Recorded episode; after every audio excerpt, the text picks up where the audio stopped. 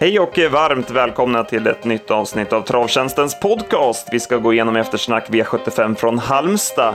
Sen blickar vi framåt. Vi har ju V86 på Visby och en jackpot på V75 Årgäng till lördag.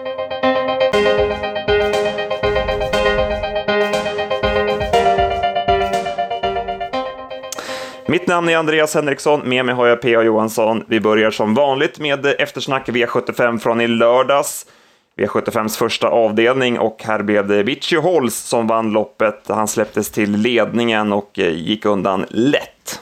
Ja, det var lite eh, fight då mot Smevikens Cruiser som gjorde ett väldigt bra lopp eh, runt sista sväng, men på upploppet var Vichy klart starkast. Det, han ser lite knepig ut, men är en bra häst med bra kapacitet det här. Mm, jag hade 12 sista varvet och då ökar han ju sista biten in mot mål, så det är riktigt bra styrka i honom. Och det var som Jeppson sa efteråt, att det gjorde ingenting att Kim kom upp och satte upp lite tempo, utan det var bara bra, för då höll han sig skärpt hela vägen. Mm, ja, precis. Det är det intrycket man får. Bakom så blev det ju lite rumphugget. Det blev ju galopp för, för Cashback Pellini, Aram Isamuko och Machiavelli. Alla var borta direkt, så att, eh, det var väl inte så mycket bakom de här två, va? Nej, det vart ju väldigt skiktat. Smedvikens Cruiser gör äh, återigen ett väldigt bra lopp, men, men han stötte på övermakten den här gången. Sen går vi till V75 2 och eh, här hade Marcus Lindgren ställt i ordning Adiago Trott. Vi hade ju mycket bra rapporter från Marcus på den här hästen och det var ju jänkarvagn för första gången, barfota runt om. Och det var en bra vinnare för oss och han vann ju väldigt enkelt från spets.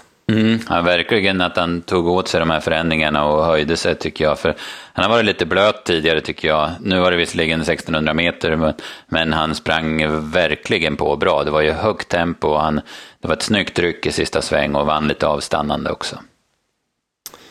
Bra spurt av Martin de Boss som tvåa och sen tar jag med mig Spartak Face. Det blev ju galopp i första sväng, Conny laddade ju rejält och det vart lite för tufft där ute, men sen gick han riktigt bra efteråt. Jag hade 10 och 4 ett varv mellan 13 och 300 kvar.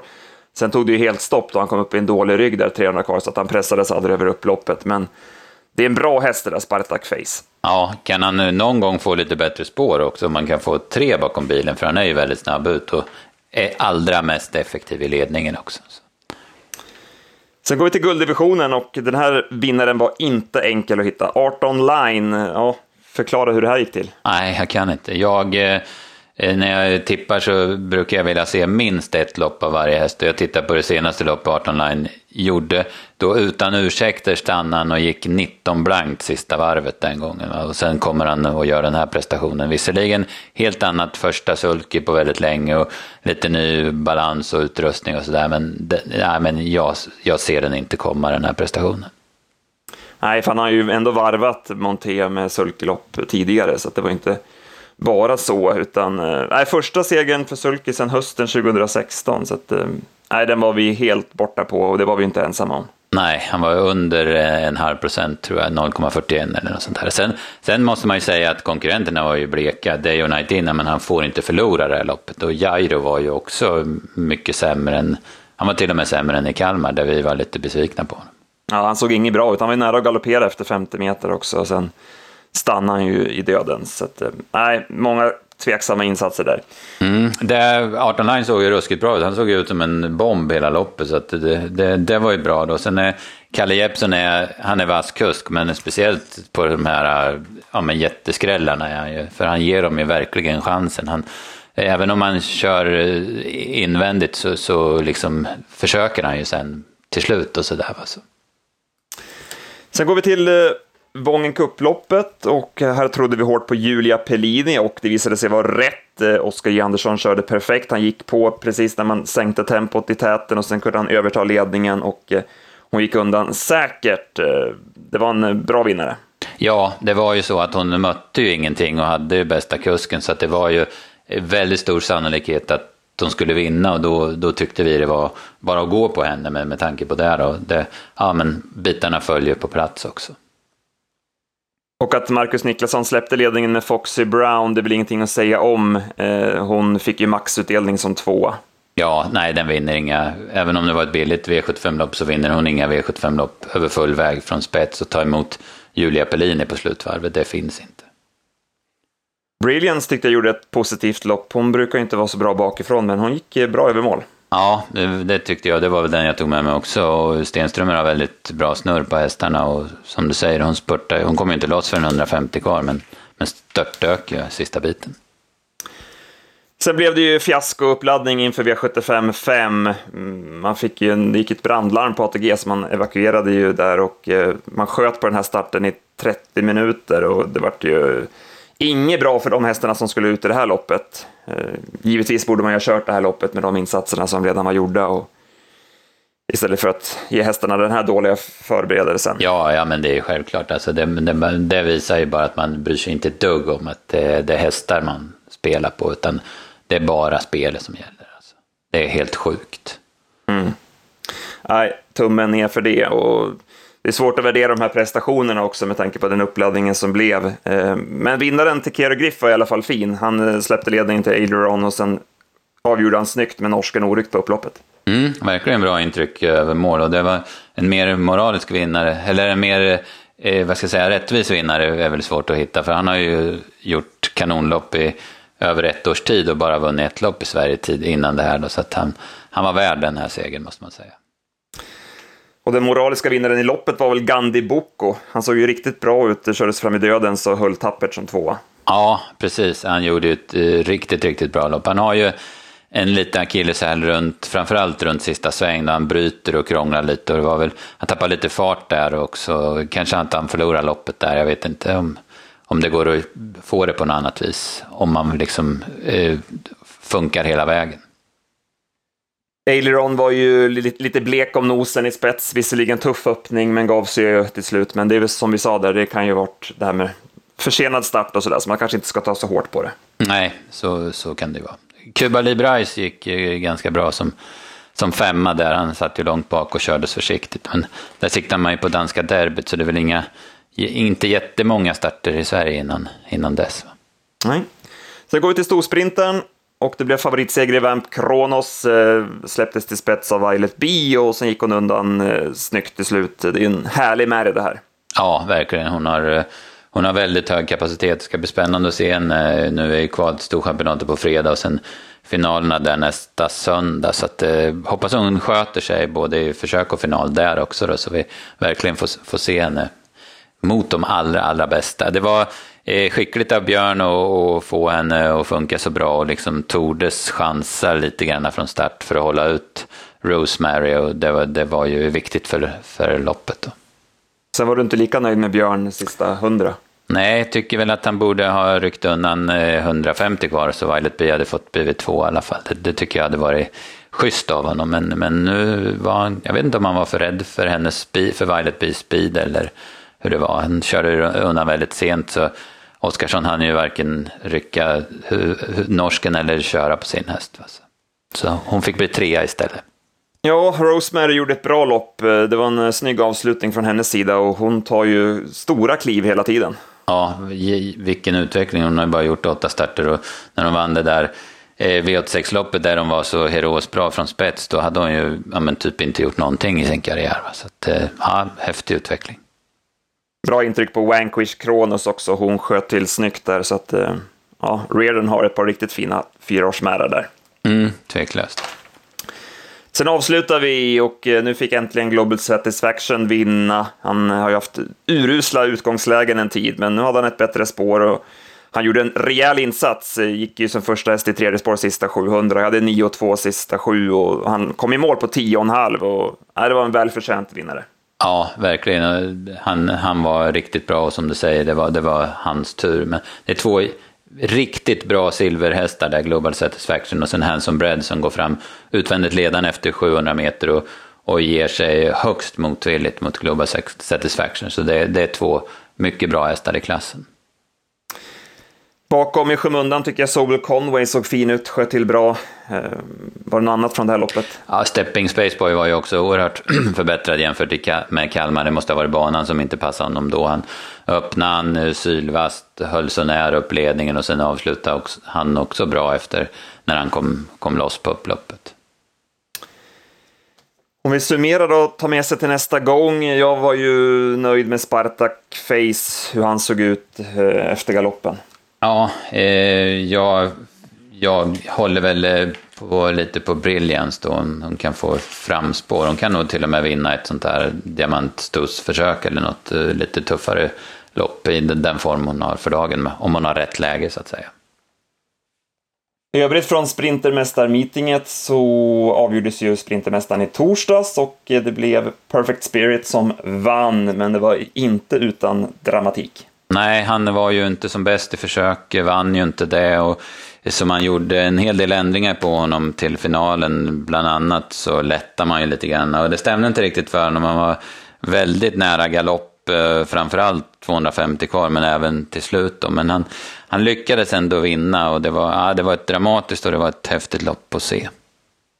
Ja, Örjan visar ju sin klass också i sulken, som bar in honom snyggt där. Ehm, Eh, och sen måste vi lyfta fram Johanna Nilsson också och Lucifer ja. Lane, som ju är knappt slagen och det var ju en perfekt styrning av honom också. Ja, verkligen. Och smart att välja spår 9 och, och ja, och få ryggledaren och sen så, så...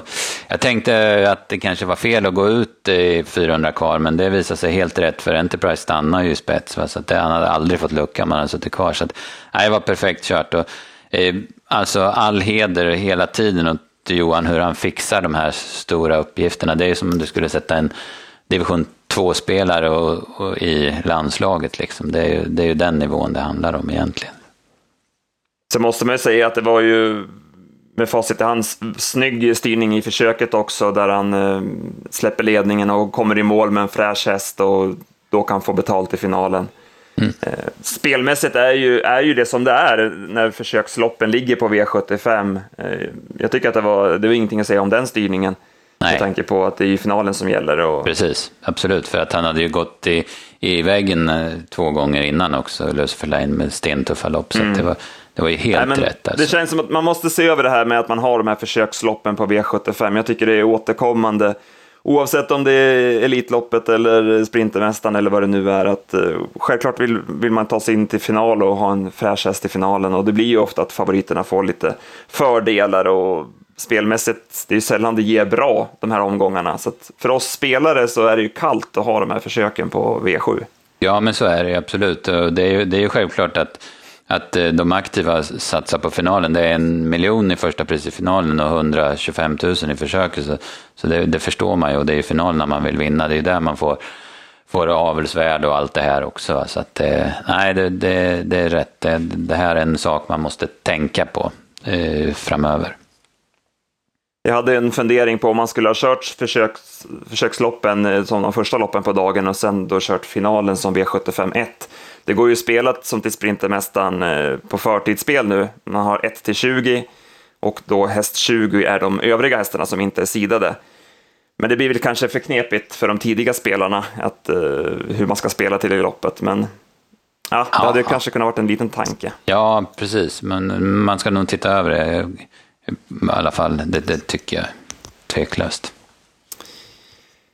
Eh, i övrigt från torsdagen där så kan vi bara nämna att det var en snygg sättning av Johan Untersteiner med Ambon Degato som vi hade jättebra information på.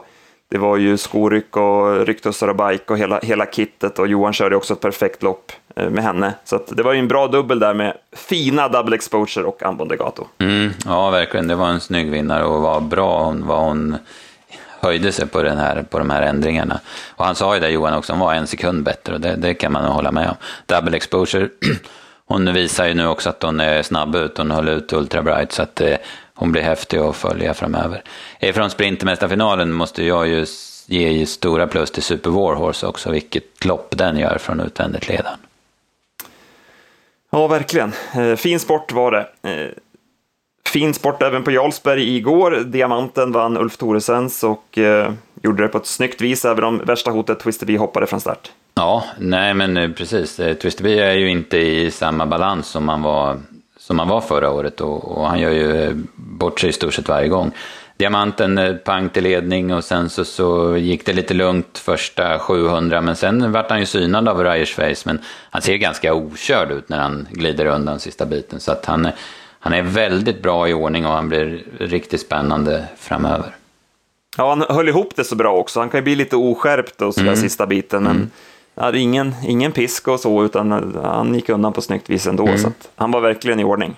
Ja, verkligen. Det var, det var bra spår, det var häftiga lopp att följa. Det var ju bara där V756 där Cocktail Fortuna fick bestämma i spets. Annars så var det full sula i loppen och, och bra vinnare överlag också, måste man ju säga.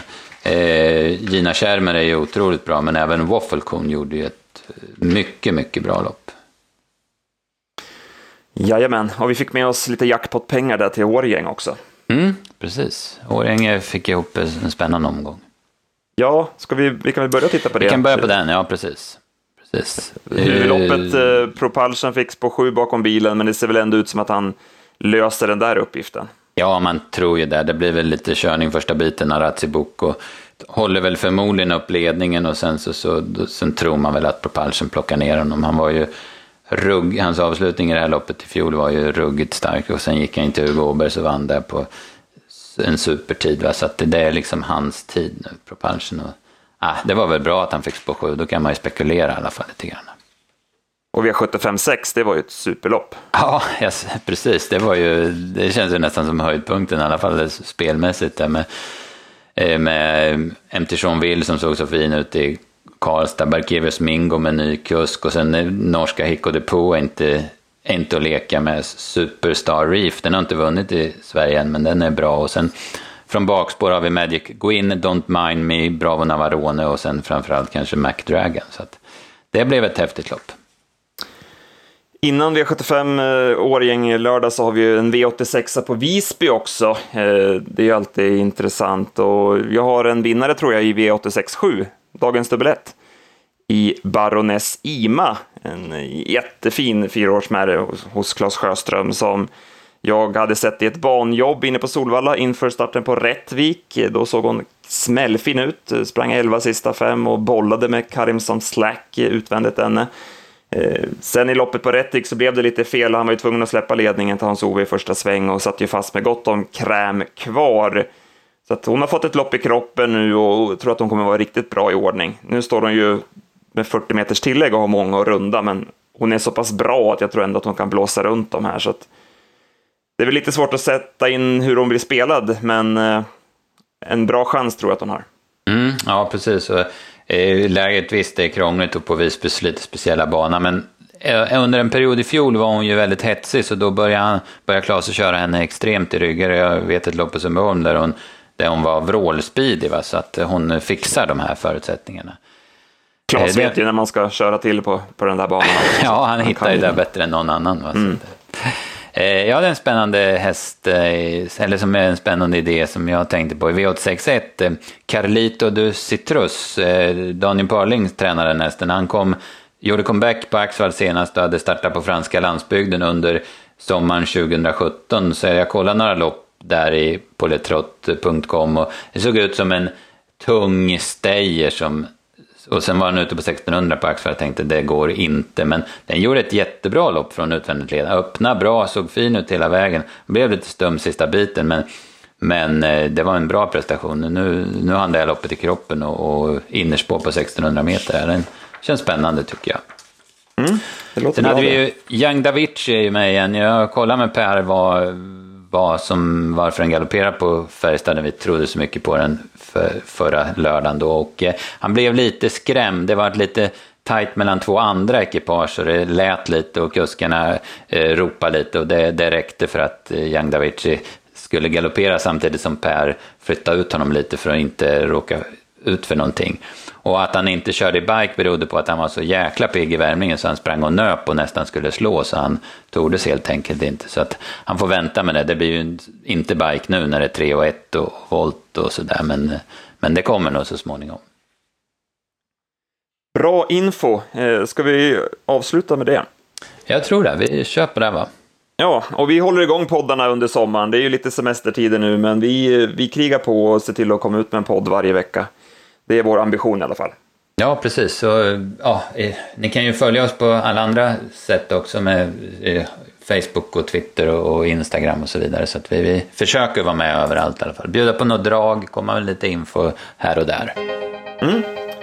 Och som vanligt så finns det ju tipsen att köpa på travtjänsten.se. Bra, tack för idag PA. Mm, tack.